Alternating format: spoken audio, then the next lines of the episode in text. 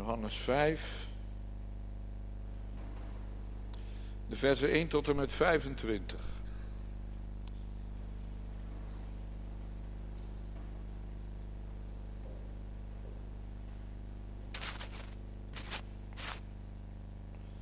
Hierna was er een feest van de Joden en Jezus ging naar Jeruzalem.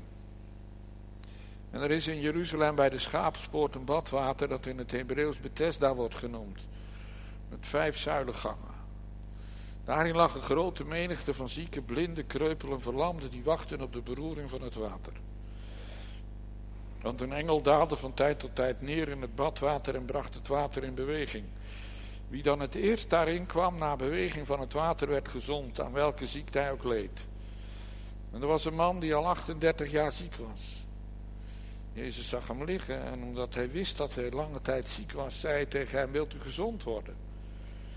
Zieke antwoordde hem, mijn heer, ik heb geen mens om mij in het badwater te werpen, wanneer het water in beroering gebracht wordt. En terwijl ik kom, daalt een ander voor mij af. Jezus zei tegen hem, sta op, neem uw bed op en wandel. En meteen werd de man gezond, nam zijn bed op en ging wandelen. En het was Sabbat op die dag. De Joden dan zeiden tegen hem die genezen was, het is Sabbat, het is u niet geoorloofd uw bed te dragen. De antwoordde, die mij gezond gemaakt heeft, die heeft tegen mij gezegd, neem uw bed op en, en wandel. Ze vroegen hem dan, wie is de mens die u gezegd heeft, neem uw bed op en wandel. En die genezen was, wist het niet wie het was, want Jezus had zich ongemerkt verwijderd, omdat er een menigte was op die plaats. Daarna vond Jezus hem in de tempel en zei tegen hem, zie, u bent gezond geworden, zondig niet meer, opdat u niet iets ergers overkomt. Man ging weg en berichtte de Joden dat het Jezus was die hem gezond gemaakt had. Daarom vervolgden de Joden Jezus en probeerden hem te doden, omdat hij deze dingen op de Sabbat deed. Maar Jezus antwoordde hun, mijn vader werkt tot nu toe en ik werk ook. Daarom dan probeerden de Joden des te meer hem te doden, omdat hij niet alleen het gebod van de Sabbat brak, maar ook zei dat God zijn eigen vader was en daarmee zichzelf aan God gelijk maakte.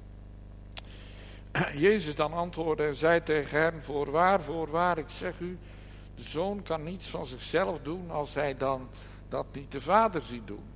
Want al wat deze doet, dat doet ook de zoon op dezelfde wijze. De vader heeft de zoon lief en laat hem alles zien wat hij doet. En hij zal hem grotere werken laten zien dan deze, opdat u zich verwondert. Want zoals de vader de doden opwekt en levend maakt, zo maakt ook de zoon levend wie hij wil. Want ook de vader oordeelt niemand, maar heeft heel het oordeel aan de zoon gegeven. Opdat allen de zoon eren zoals ze de vader eren. Wie de zoon niet eert, eert de vader niet die hem gezonden heeft. Voorwaar, voorwaar, ik zeg u. Wie mijn woord hoort en hem gelooft die mij gezonden heeft, die heeft het eeuwige leven, komt niet in de verdoemenis, maar is uit de dood overgegaan in het leven. Voorwaar, voorwaar, ik zeg u, tijd komt en is nu, dat de doden zullen horen de stem van de Zoon van God. En die ze gehoord hebben, die zullen leven. Tot zover. Tekst voor de prediking vindt u in het u voorgelezen schriftgedeelte Johannes 5, daarvan de versen 8 en 9. Jezus zei tot hem, sta op, neem uw bed op en wandel. En terstond werd de mens gezond en nam zijn bed op en wandelde. En het was Sabbat op die dag.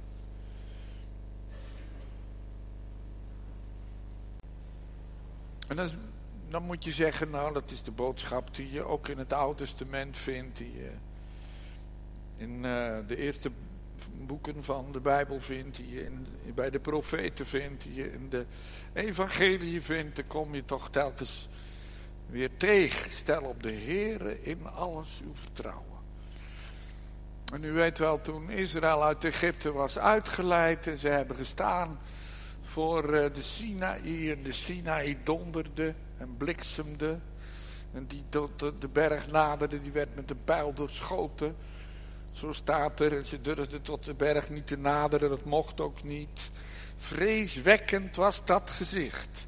En door dat gericht heen heeft God zijn verbond met Israël vernieuwd. Ik ben de Heere uw God, die u uit Egypte land het diensthuis hebt uitgeleid. En ze waren daar zo van onder de indruk. Dat ze tegen Mozes zeiden, laat God niet zo, meer, niet, niet zo meer rechtstreeks tot ons spreken. Want dat kunnen we niet verdragen. U moet maar met God spreken, dan, dan moet God maar dat tegen u zeggen wat u dan weer tegen ons moet zeggen. Dus je kan niet zeggen dat ze, er niet, dat ze het niet gehoord hebben. Je kan ook niet zeggen dat ze er niet van onder de indruk waren. Dat waren ze wel. En, en daarna is Mozes een tijd op de berg geweest. Hij zat in die verborgenheid van de wolk.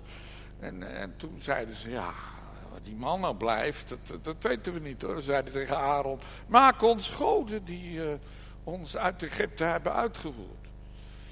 Ja, nou, u weet wel dat Aaron toen uh, dat gouden kalf gemaakt heeft. En daar hebben ze om gedanst en dat hebben ze aangebeden en dat hebben ze verheerlijkt en daar hebben ze een hel van verwacht. En u weet hoe de Heer is ontbrand in heilige toren en verontwaardiging. Want hij verdraagt het niet. Dat we naast hem of in de plaats van hem er een andere God op nahouden. Positief gezegd, Stel op de Heere in alles uw vertrouwen. En verwacht het niet van, ik weet niet wat voor dingen, voor krachten of mensen. Ja, misschien zegt u, maar het is toch wel heel bijzonder als uh, de Heere in je leven mensen geeft die heel veel voor je kunnen betekenen. Zeker. Ja, als de Heer je mensen geeft die heel veel voor je kunnen betekenen. Maar die mensen, die mag je dan zien als instrumenten in Gods handen. Maar je moet ze nooit in de plaats van God stellen, of naast God, of weet ik het wat. En dat is het. Natuurlijk, we mogen allerlei middelen gebruiken. Ook als we ziek zijn, gebruik maken van medicijnen. Maar ja, en dat luistert heel nauw, tegelijkertijd niet van de medicijnen verwachten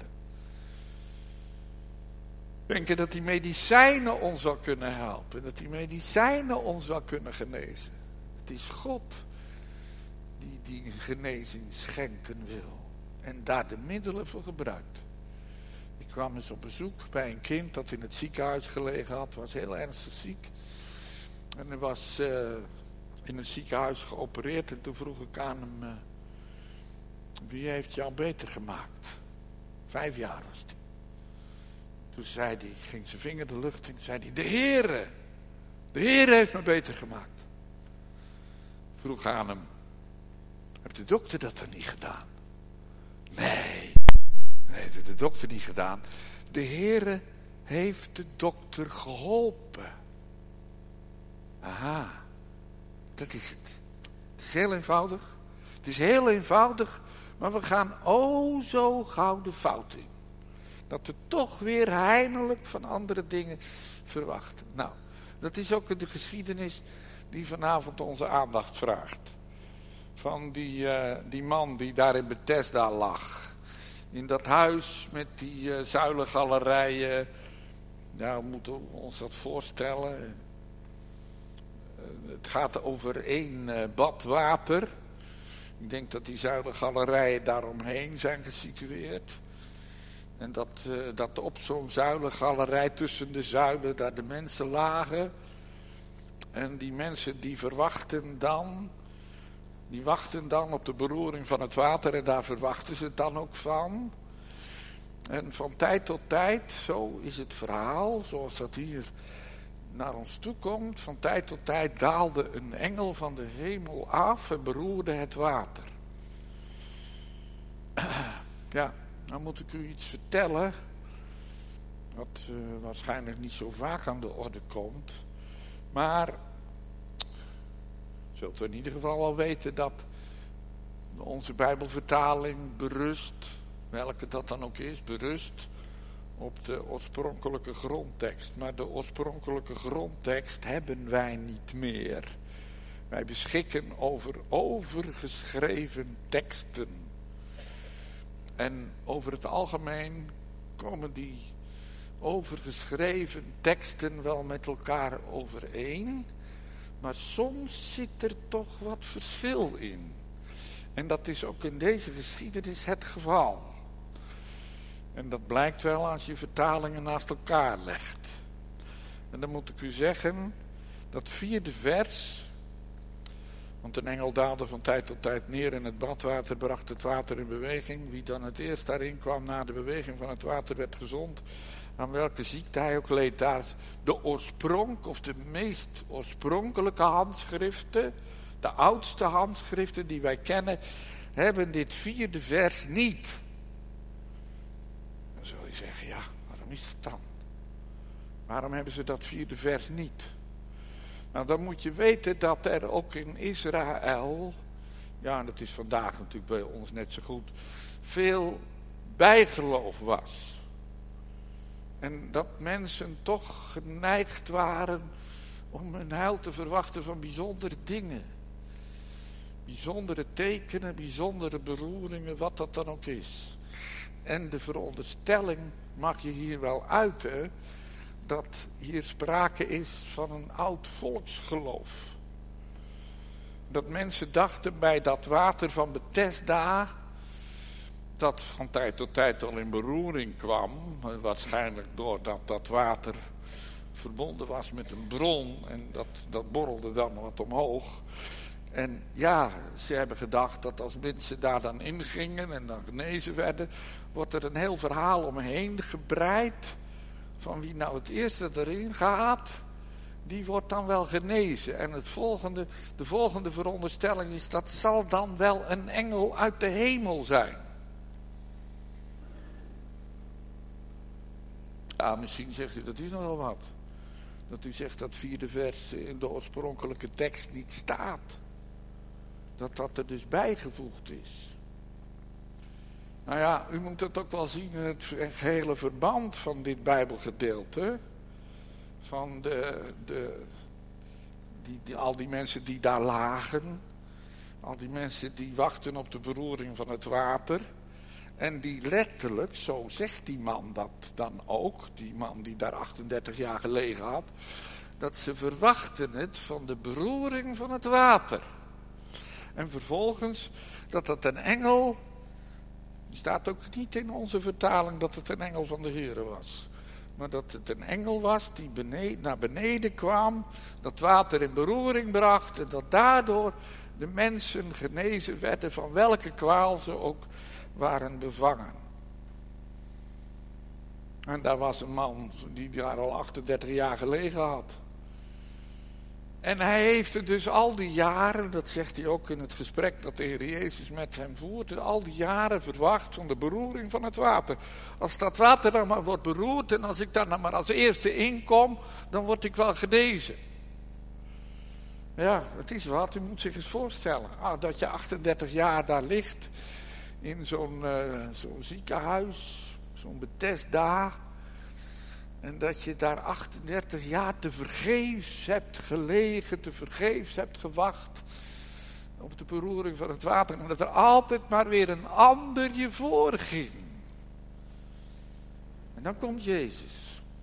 Maar daarover straks. Dit is de situatie waarin die man zich bevindt. En hij heeft de verwachting waarin die steeds weer in is teleurgesteld. Steeds weer, als dat water in beroering kwam, heeft hij de hoop gehad dat hij als eerste daarin zou gaan en dat hij genezen zou worden. En wie in zijn leven te maken heeft gehad met een ernstige ziekte en hoopte op genezing, op verbetering, die weet daar wel van als dat wel eens op zich laat wachten. Als dat wel eens wat langer duurt dan dat wij hadden gehoopt. En in die situatie bevinden zich ook de ouders van Levi.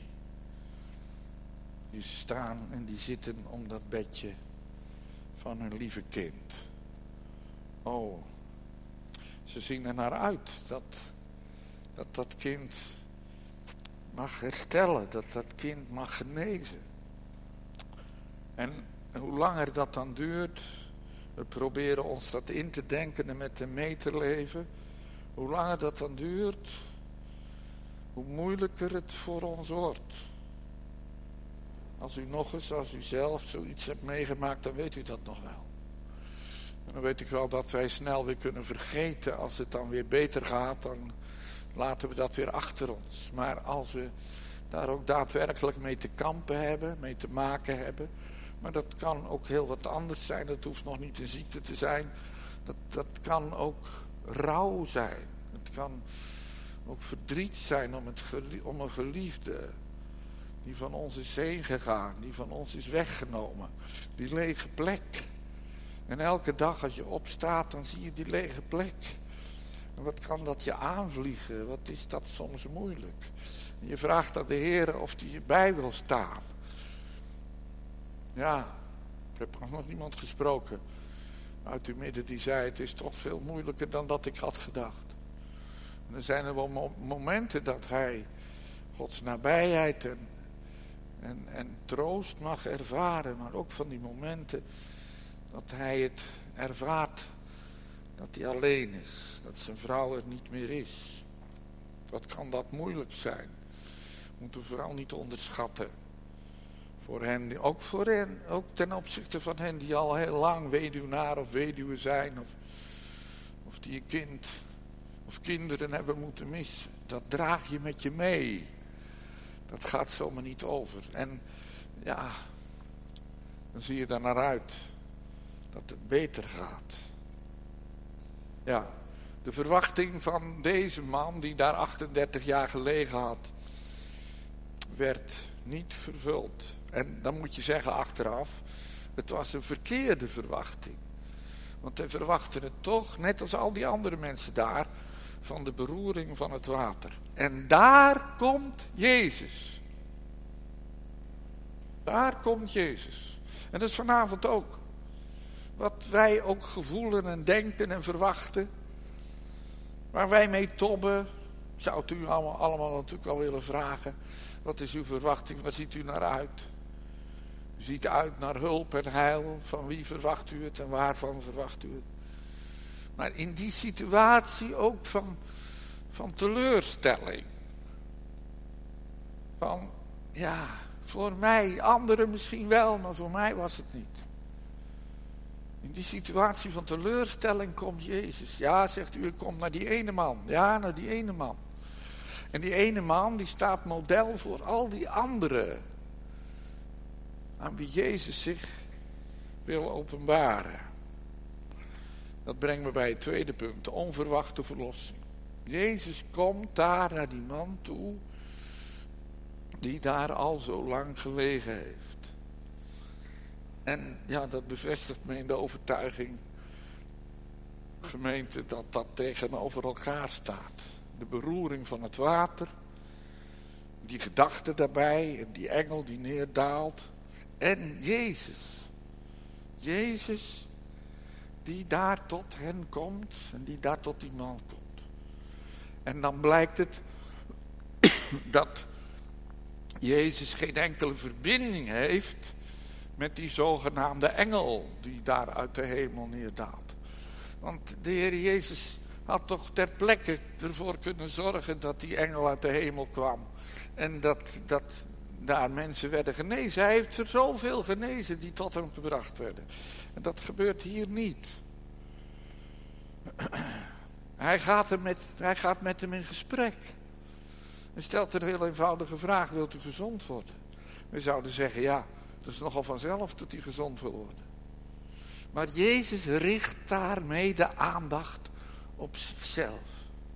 En dat doet hij vanmiddag ook hier in de kerk, in de Maranatha-kerk. Hij richt de aandacht op zichzelf. Zoals hij dat vaker doet. Zoals hij dat ook gedaan heeft bij die blinden. Bij de weg naar Jericho. Wat wilt gij dat ik u doen zal? Jezus richtte de aandacht op hemzelf. Geliefde gemeente, dat doet de Heer vanmiddag ook.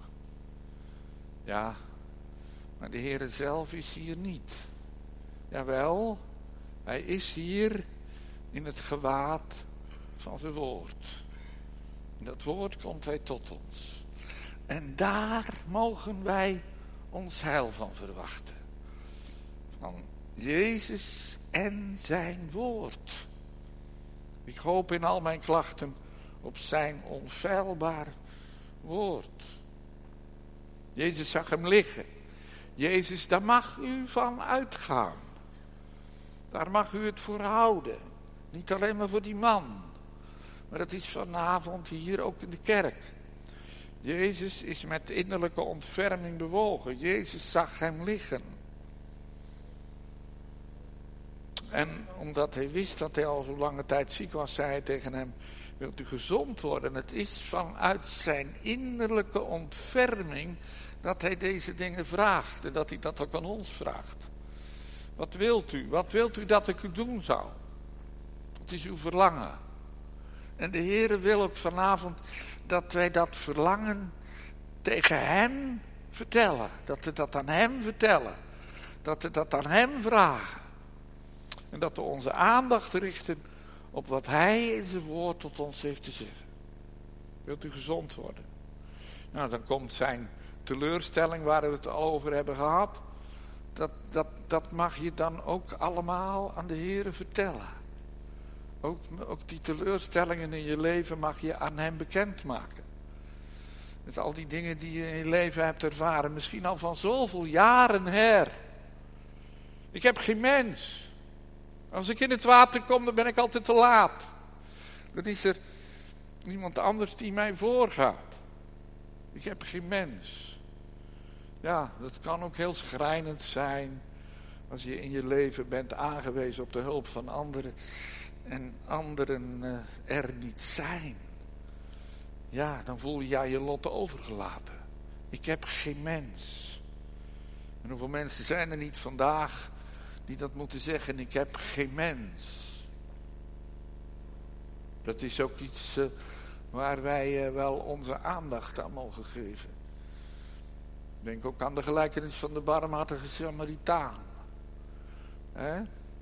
Die, loopt daarop uit. Niet om, om te zeggen, uh, de, de schriftgeleerden zeiden, wie is mijn naaste? Maar het antwoord van Jezus is, voor wie ben ik de naaste? Dat is een vraag die wij ons zeker ook wel mogen stellen. Ik heb geen mens en een ander daalt voor mij af in het water. En dan moet u letten op wat er staat. De Heer heeft niet eerst van alles en nog wat tegen hem gezegd. Nog eens een keer uh, de dingen aan de orde te stellen waar het over gaat. Jezus zei tegen hem.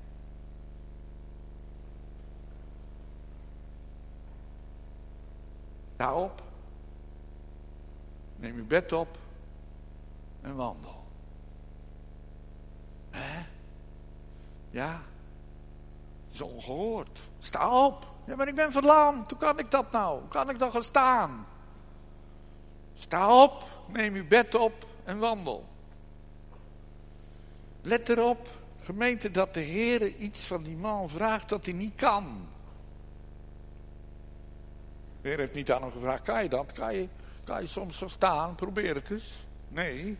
Hij zegt, hij zegt tegen hem, sta op, neem uw bed op en wandel. En dat heeft de Heer vaker gedaan tegen een man die een verlamde hand, steek, steek uw, man, uw hand uit. En die man die door het dak werd neergelaten. Sta op, hetzelfde verhaal. Sta op, neem uw bed op en wandel. De Heer, let erop dat de Heer vraagt van deze man om iets te doen wat hij niet kan. Ja, dat is voor ons altijd een moeilijkheid natuurlijk. Als de Heer dingen van ons vraagt die wij niet kunnen, moeten we dat dan? Moeten we dan toch ja, maar proberen ons op te peppen of ik weet allemaal niet wat. Dingen te ondernemen waardoor wij misschien dan toch kunnen doen wat de, wat de Heer van ons vraagt. Daar is natuurlijk heel veel discussie over geweest in de loop van de eeuwen. Als de Heer ons oproept tot bekering, hè, dat heeft hij gedaan tijdens zijn omwandeling op aarde. Bekeert u, bekeert u, want het koninkrijk der hemel is nabijgekomen.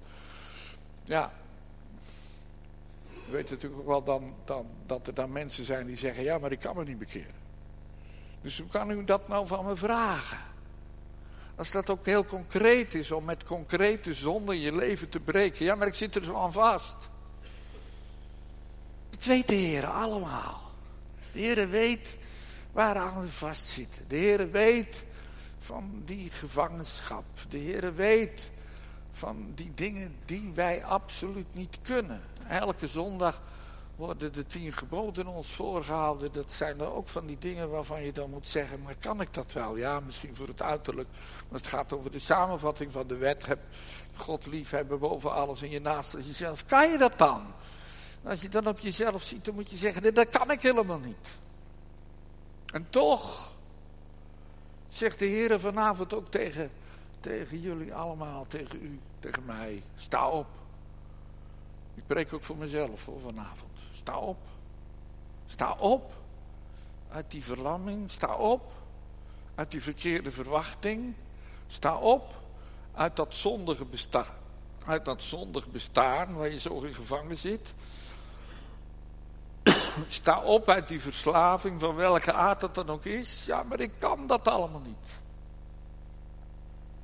Toch vraagt de Heer het ons wel. Om dingen te doen die wij niet kunnen. Maar dan moet je er niet van maken, dan verwacht de Heer toch nog wel iets van ons. Nee, helemaal niet. Zou je dat niet weten? Hij weet alles. Hij weet van ons allemaal. Hij weet ook van onze gedachten.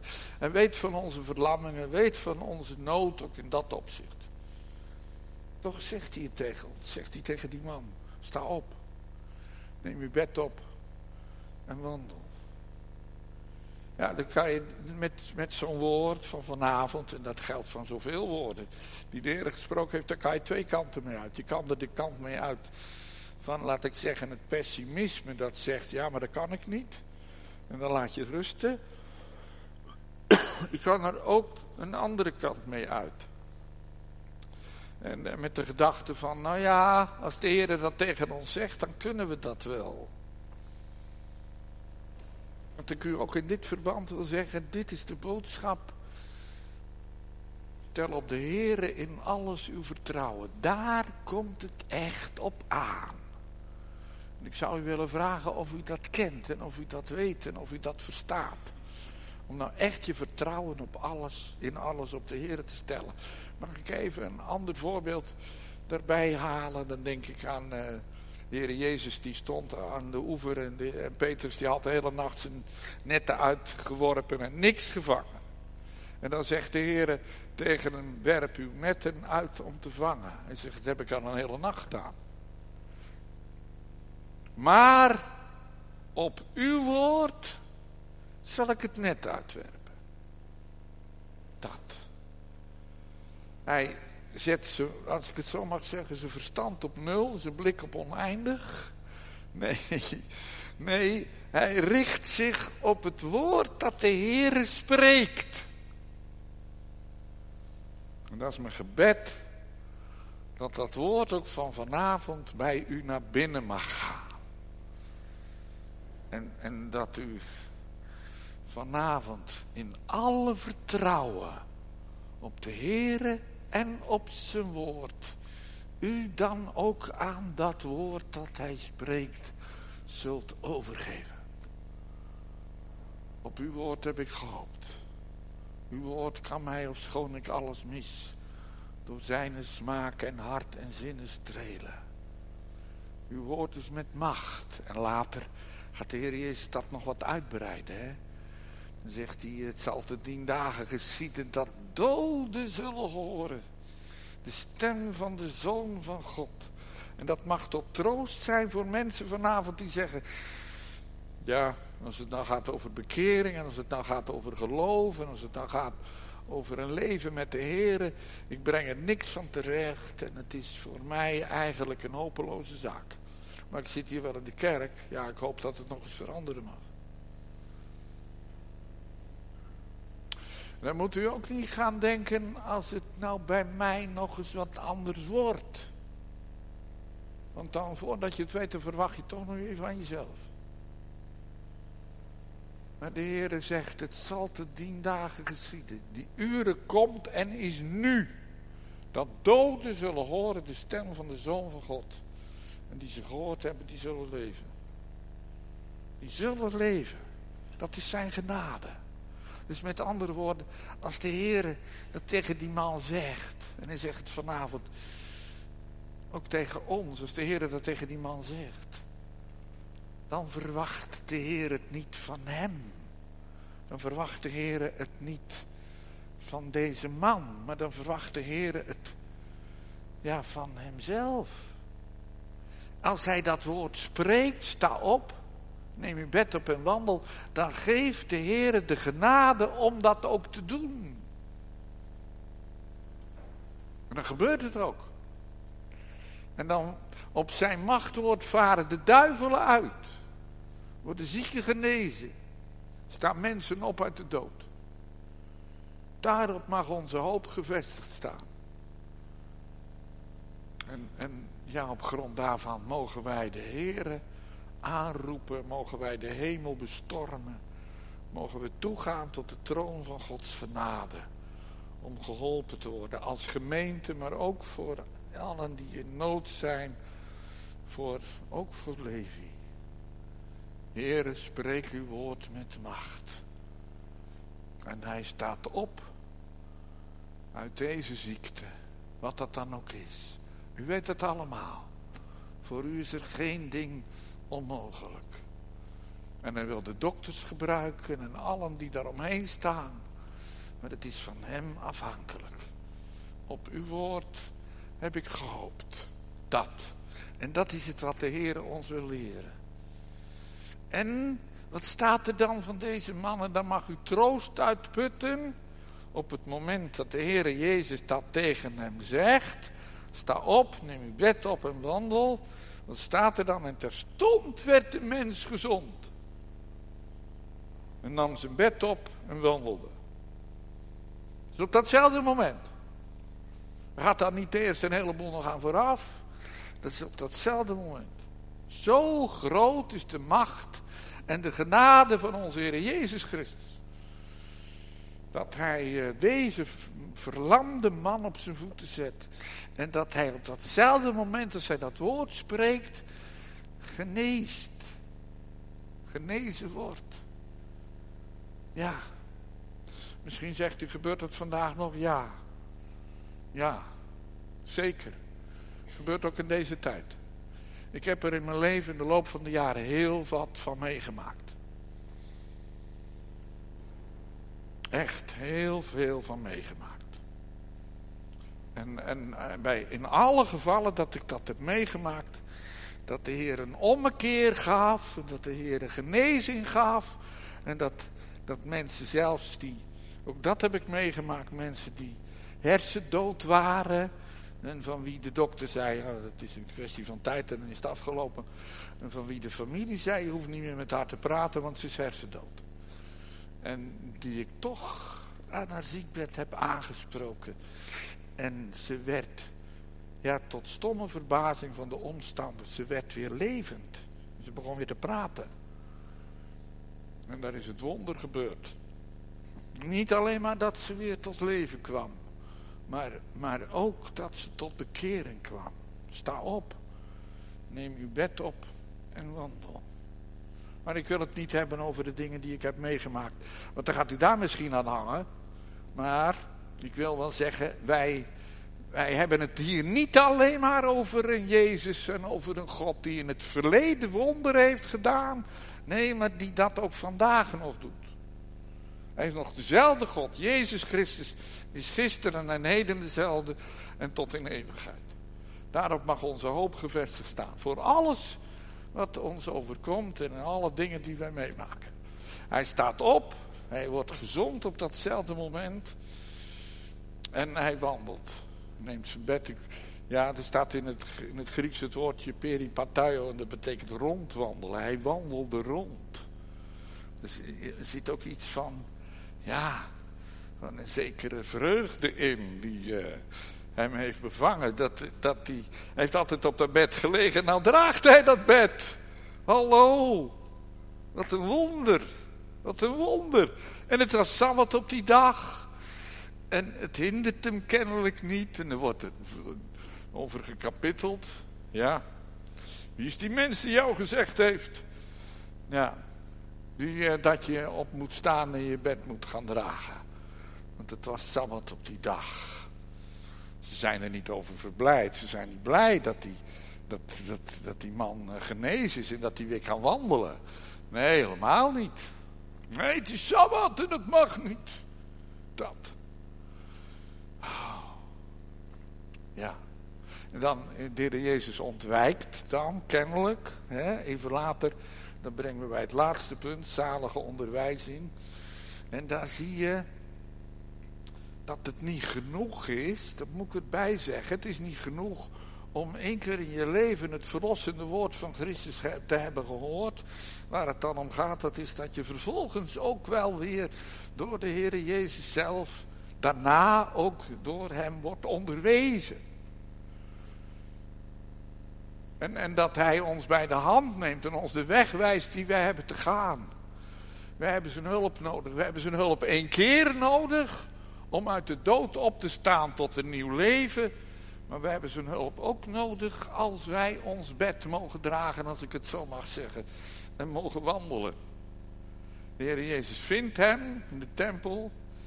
Zie, u bent gezond geworden, zegt de Heer. Ja, dan volgt er wat. Zie, u bent gezond geworden. Maar, maar, zondig niet meer, opdat u niet iets ergers overkomt.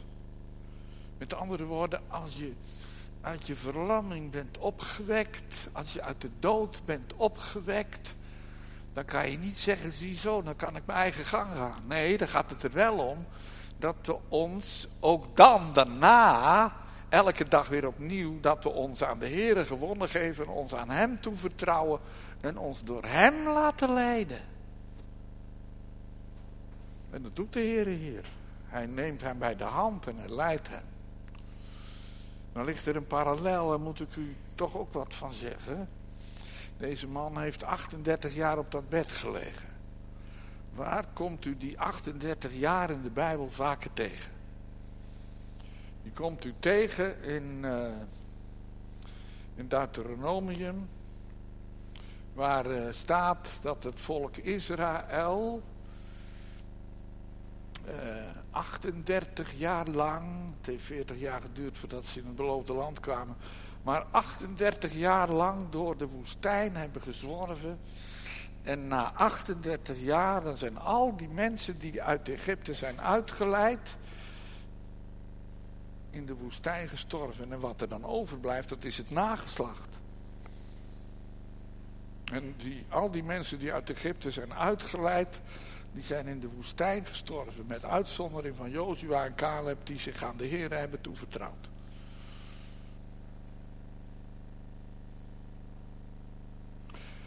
Sta op, neem uw bed op en wandel. Het is ook de vermaning tot Israël geweest. Sta op, neem uw bed op en wandel. Ga heen en zondig niet meer, opdat u niet iets ergers overkomt. Je bent uit die, die 38 jaar heeft de Heer je verdragen, 38 jaar woestijnreis. Je bent er nog niet. Zondig niet meer, opdat je niet iets ergers overkomt. En Israël is zelf ook iets ergers overkomen. Na die 38 jaar woestijnreis is daarop gevolgd een 70-jarige ballingschap. En het kan nog erger. Als wij ons blijvend van de Heer afwenden en ons niet aan hem toevertrouwen, ja, dan zeg ik daarmee ook al wel wat de zonde was. Dat heb ik eigenlijk al gezegd. Wat was de zonde van die man? En, en, en van die mensen die daar in dat, dat daar lagen. Ze verwachten een, verlossing niet van de Heer, maar van, van een wonderlijke beroering van het water. En van een zogenaamde engel uit de hemel die dat water in beroering bracht. Maar dat is te vergeefs. Maar we vallen daar zo gauw weer in terug. En dat is de waarschuwing vanavond. Blijf op de Heer vertrouwen. Geen ijdele zorg. Doe u van het heilsport dwalen. Houd in uw weg het oog op God gericht. Vertrouw op Hem. En de uitkomst zal niet falen. Dat is een vermaning voor elke dag. Elke dag weer je vertrouwen op de Heer stellen. En met al je zorgen en noden tot Hem gaan. En, en nooit je, je toevlucht zoeken tot ik weet niet wat voor kwakzalverij. Nooit je toevlucht zoeken bij dat wat uiteindelijk je toch niet helpen kan. Ik heb u in het begin al gezegd, je mag dankbaar zijn voor mensen die uh, van dienst kunnen zijn. Maar dan alleen maar als instrumenten in Gods handen. Dat geldt voor dominees en voor dokters en voor ouderlingen en voor, ik weet niet wie, voor je vader en moeder. Instrumenten in Gods handen. Zo wil de Heer ze gebruiken. Maar niet als een zelfstandig individu, als iemand die zelfstandig wel het een en ander tot stand kan brengen. Want dat is je reinste afgoderij. Dat moet je leren. Ik zeg het ook tegen mezelf. Ik moet elke dag van mijn afgoderij worden bekeerd. Iedere dag weer opnieuw het leren om in alles mijn vertrouwen op de Heer te stellen. Wat staat ons dan te doen vanavond? Te letten op dit woord. Spreek, heren. Samuel moest het leren, want uw knecht hoort. Spreek, heren. Geef dat dat woord, dat mag uw gebed zijn. Geef dat uw woord bij mij naar binnen mag gaan. En wilt u al die gedachten van mij afnemen die mij in de weg staan. Er zijn zoveel gedachten. Er zijn zoveel zorgen. Ik weet allemaal niet wat. Maar geef dat we onze aandacht mogen richten op wat u in uw woord tot ons hebt te zeggen. En dan gaat het wonder gebeuren. Dan staat die, man die staat op uit zijn verlamming. Hij werd gezond op datzelfde uur, maar dat gebeurt ook met u, met jou. Komt het daar dan echt op aan? Dan zeg ik ja, daar komt het op aan. Alle dagen van ons leven, maar ook vanavond. Indien je zijn stem dan heden hoort, niet morgen, maar heden. Indien je zijn stem dan heden hoort, gelooft zijn heil. En troostrijk woord. Verhard u niet, maar laat u leiden. Amen. We zingen Psalm 37, de versen 2 en 3.